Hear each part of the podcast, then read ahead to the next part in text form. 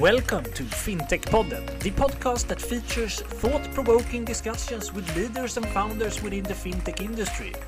From core banking to Bitcoin, we cover it all. Now, get ready for the next episode. Hello, and welcome back to FinTech Podden. In today's episode, we are joined by Mattias Fras, Group Head of AI Strategy and Acceleration at Nordea Bank. Very welcome to FinTech Podden, Matthias. Thank you. Really nice to have you here today. How how has your day been so far? The day has been uh, hasn't been that long yet, so I've been able to get my kids off to school. So that's always uh, the first good milestone of the day, right? So now I'm, I'm ready to do some work. And uh, yeah, you you participated in Stockholm FinTech Week uh, not that long ago. Um, and uh, before we jump into that, we would like to know a bit more about you and your background. So, who are you? So, I uh, my name is Matthias Fras. I have been uh, working in large corporates for my uh, all my 20 years of my career. Um, uh, first uh, half, uh, first 10 years as a as, as a management consultant with Accenture, and then I switched over to Nordea uh, in, in 2011. Uh, spent a few years as a CFO of the life and, com- uh, life and pension company in Sweden first. Um, I thought I would try to have a real job at least for once in my life. Uh, but then, uh, then I went back doing change and transformation related activities, but within the context of Nordea. So I've been driving different um, uh, initiatives uh, such as robotics and chatbots and other uh, new tech related projects since then. And as Gustav said, you participated in uh, Stockholm FinTech Week a couple of weeks ago now, uh, and you uh, were part of a session called uh, in Ingredients of a Successful AI Implementation Best Practices as well as Learnings from the Past Challenges. Uh, could you tell us uh, some takeaways from the discussion you were participating in? I think there was very good discussions, uh, and I think it's it's clear that there are so many different perspectives to this field. That was one of the takeaways from that session. Uh, a small small fintech company, someone that had been doing um, AI for a long time or machine learning for a long time, and then a large company like Nordea and a vendor uh, also like Itello. So we all come in with different perspectives. So I think that was clear, and that was, I think, a good dynamic of that discussion. And so you get uh, many different um, angles to the challenges and opportunities with AI now. And if we look at a more broader perspective, um, when it comes to adoption of AI in large organization, uh, what would you say is the main uh, main challenges? Is it culture or tech, or is it a combination of both? Well, I think it's useful to look at companies who have spent a lot of time thinking about this and also having strategies that are AI first strategies, such as Microsoft, for example. Um, so what they what they've done over the past ten years, they are I think one or two companies who are still on the top ten list in, in terms of uh, size. Um, from 2010 and also in 2020 and they went through a transformation. I think it's it's it when I, when I when I when I read about them it's very much about people and culture and learning. So i think that is going to be the case for us other companies as well incumbents banks for example to to adopt a new way of, of thinking about uh, uh, running change and focusing more on the rate of learning than than anything else. And be open to uh, and, uh, and open up to to collaboration and utilize good uh, good uh, applications good solutions and, and good people in the ecosystem that can help solve problems uh, collaboratively. So my in my view it's more the softer parts. It's more the uh, the um, the shift in mindset, how you how you set yourself up for for this new age, how you organize uh, your your um, your enterprise, uh, how you how you educate people on all levels, and uh, and also how you um, how you then also reinforce this change very clearly and very focused. So mm. probably eighty percent culture, maybe. that's really interesting, and I mean, if if we think about uh, this, uh, talk about education and reskilling, and and uh, uh, that's a really big topic in, when we talk about this. But what kind of roles do you see that that that will pop up or start to emerge uh, thanks to to when you adopt AI? Mm, I think there will be most likely roles that we don't quite foresee yet, but it, it is in the inter, inter, in the interplay in the uh, between the, the the human and the machine where where uh, we will uh, you know see the changes so we have like now we have ai trainers which is a role that i don't think existed a few years ago who um, who train uh, the chatbot uh, mm. To create you know human um, like flows conversational flows uh, uh, to make it for humans so to speak. So there's a lot of there's a lot of new roles uh, that's going to emerge in how we train ai to you know become good and efficient of course but also pleasant for humans to interact with and use so there's a lot of stuff going on that bullet roles are going to pop up there. And i also think that we already see that um, the the you know there's a need of obviously for more data savvy people data scientists machine learning engineers um, um, data analysts and, and so on uh, to develop. But also there's another role that i think is emerging um, which is something like a translator that can that can that can help you know provide the bridge between the business and the the technology in in, in um, telling the story on on how we can connect these uh, technology enablers to solve the particular business problems. That's really interesting and um, i mean uh, I, I read a book a year ago i think it's called human plus machine and, and they, they talk a lot about this uh, training of uh, bots, bot trainers. So I definitely agree that that's uh, probably an area that will uh, have already started to to get a lot of roles in, but will will increase in adoption. Yeah, and I think that that particular book is interesting because it, it just it just just uh, by the by the cover, right? It's it's human plus machine. It's not human versus machine, which I think is a is a big distinction, an important distinction. Uh, also, when you talk about adoption, uh, I don't hear it so much now, but a few years ago there was a lot of talk about the robots are coming to take our jobs, and and that is, I think, to some extent still still the case that that uh, there's a fear, and and it's probably a valid fear that we're gonna um, replace a lot of people with these new technologies. But I think if you see it in the light of, of you know human plus machine, I think there will be more, there will be new roles uh, created, and they may be also more fun or more interesting for humans as a as a job than some of the the ones we have today.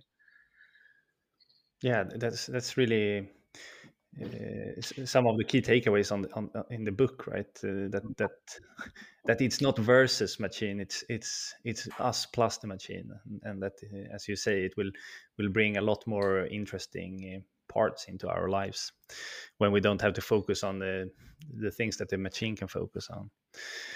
But m- moving to, to the next topic, uh, what banking products and services do you see as most suitable to start to uh, utilize AI or implement AI in uh, today?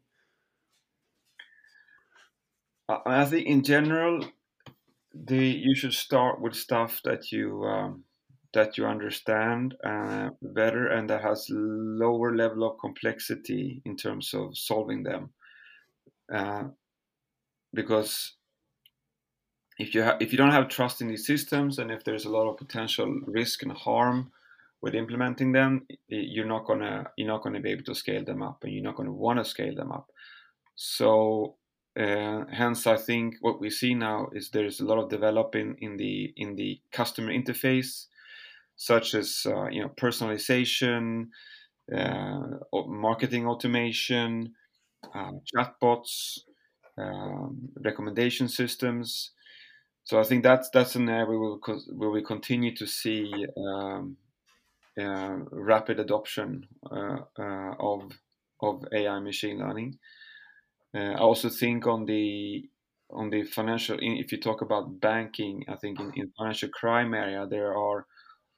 Uh, I think all the banks are engaging in different types of machine learning projects because it's an obvious fit and it's an obvious value of using more data driven approaches to um, solve that particular problem and and it's it, it's in everyone's interest.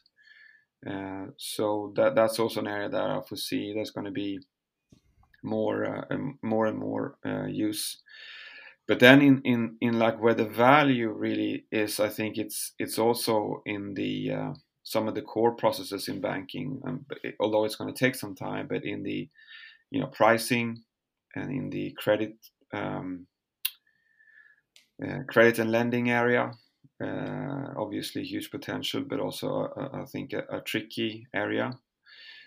Um, uh, and then, of course, in in automation in general, automation of back office, there's a, a big potential in in and and the technology is already there to solve that problem, but it's it's a matter of adoption and how you scale these things and the fa- and, and and that you need to have a really good uh, governance and understanding and structure of your data because it's going to be a lot about automating decisions and to make that you need really good data data pipelines.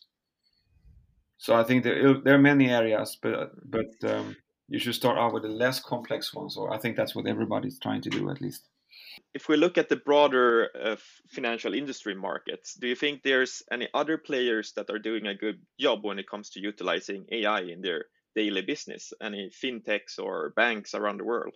Yeah, there of course are. It is, it is, it is, it is nice to see that some of these. Uh, I mean, there are some really narrow problems that are being solved in a really great way by, especially by fintech companies that's part of the business model. You come in and you solve one particular problem and you do well. And I think there are many, you know, good examples of that. Uh, especially maybe the neobanks uh, have shown us how they can leverage, you know, data-driven solutions to to uh, to do really smooth and nice onboarding and and um, and credit uh, lending uh, for consumers in in a nice way.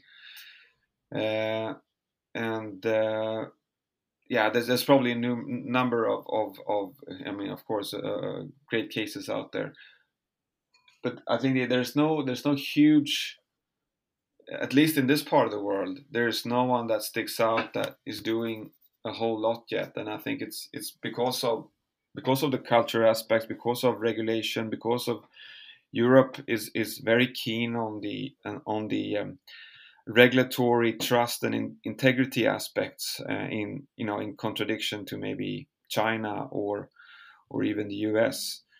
Um, obviously, there's much more implementation going on in China, right? They already won that battle, um, so so uh, it's just a different um, culture and different uh, uh, governance bodies and, and, and different lot of things across across these three big regions, right? But there's good examples in, in, in Sweden as well. Uh, uh, uh, some companies that are now sort of coming up with sort of real, uh, di- fully digital, fully automated uh, companies that provides great customer experience. Mm. And when it comes to this difference between Europe and different regions around the world, do you think this will uh, hamper the development here, or will it lead to even better developed solution here in Europe when it comes to personalization and so on along the years to come? Or what's your personal perspective there? My personal perspective is it, it's it's almost like a philosophical question, or it's a big question at least. Like what what do we want to use AI for, and what are we sort of what are we ready to um, to to uh, risk or to uh, give away uh, to get there? so I think the data integrity question is is very important. Hence GDPR and all the other regulations that we have, and they are of course cumbersome if you want to implement and scale AI solutions for consumer business. But maybe that's a good thing. You know, maybe maybe it, we will we will you know ten years down the road say that you know it was quite good that we had that we didn't go all in and, and jumped into making these implementations of AI before we really figured out what we you know that we can that we can be sure to align to the uh, values and, and ethical principles and that that uh, that people have so I, am not sure who's the you know the winner is going to be. I think obviously China is going to be the, the the winner in terms of AI implementation. There's no catching up, I think. But in terms of using AI for good, and and and uh, I think that not so sure. And uh, to, I mean, uh, time flies when when we when you have fun. So we will soon have to round this conversation up. But we have a couple of questions just to finish it off. Uh, I, I, was thinking about we talked about the book uh, Human Plus Machine. Do you have any other great sources of information when it comes to AI and, and the future in this area? Yeah, and I think that is mostly like the, the, best way for people in general to uh, to get into it because there's a there's a, obviously a wealth of of um, of stuff out there that you should uh, get yourself into because every every job you can just add AI and and then you can see how will that how will that how will how might that change right? Uh, so so to some extent you won't need to change your career necessarily in the you know because you can just just add AI and uh, just add add AI and see what happens but I I mean obviously I read um, I read some of the, the, the, the books that that uh, I mean you talked about human plus machine. There's a book called Compatible AI, uh, a human compatible AI by Stuart Russell. There's a you know Max Tegmark, and there's some other really smart people that sort of lays out the the um, the, the the big picture in, in a good way. There's there's also a bunch of podcasts. Yeah, of course, this FinTech Podden of course, but there are also uh, a number of other really great podcasts that I follow, uh, such as Exponential View and and um, the Lex Friedman podcast, and, and, there's also a couple of Swedish ones. Um, but then there's also actually, if you if you read now on on uh, you know European Commission, uh, they they also released a lot of papers recently, and also World Economic Forum on on high level principles, and also trying to start to frame you know how this needs to be governed and how this needs to be um, um, viewed in, uh, in, in the context of corporates in Europe at least to adopt. So I think there is a broad range of uh, areas you can find. Of course, you have uh, Coursera and Udemy and other those platforms as well.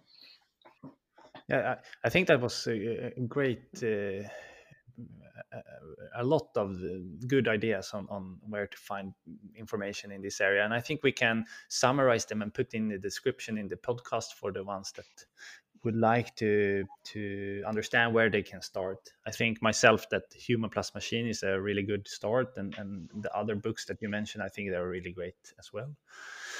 Um, we actually have one final question before we we round this up, and that is basically what is your favorite fintech in the world? And you can basically choose anything, but not your current employer, uh, Nordea. Yeah, I think there are many great ones, and uh, but one that I have been following for quite some time, and and also since I used to be uh, the uh, I used to be a CFO of the Swedish um, life and pension company, so I used to work in insurance. And one company that I came across a, a number of years ago, and I've been following them, is called it's called uh, Lemonade, and it's a you know it's it's a, it's not a life insurance company, but rather uh, an insurance company for your stuff, right? But I think that they um, they are really nice. They they are really trying to uh, disrupt uh, the industry, uh, and they have really been trying to use new technology mm-hmm. in, in, a great way. And I think they also have made they they. I mean, you can. I think that they have always tried to be, you know, for humans by humans, uh, which I think is also a um, a great um, thing, even though you are a fin- fintech or, or, or, tech company. So I, th- I, I mean, I like them, um, but there are many others, of course. Yeah, I, I can just agree. I also like Lemonade. I actually own uh, stocks in them, so they, they recently went to the stock market, and uh, I think they are great. So we will put them in the description below for the ones who have never heard about Lemonade as well, and you can check it out. Um, before we round up, Johan, do we have anything final that we want to bring up? No, I think we're uh, done with this episode. I think it was uh, really good, and uh, I have learned a lot from this discussion. So uh, I'm very happy with this episode. Thank you so much, Matthias, for uh, coming to FinTech Podden. It was a true learning experience for us, and I'm sure that many listeners will appreciate this a lot. So, thank you so much. Thanks. And ha- have a, a great uh, rest of the day. Yeah, Bye. Bye-bye. And that was it for today's episode. We hope that you liked it. Both I and Johan are very happy and thankful that you're listening to us.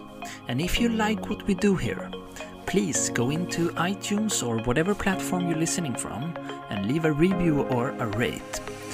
We would appreciate that a lot. We will soon be back with another episode, and until then, have a good time.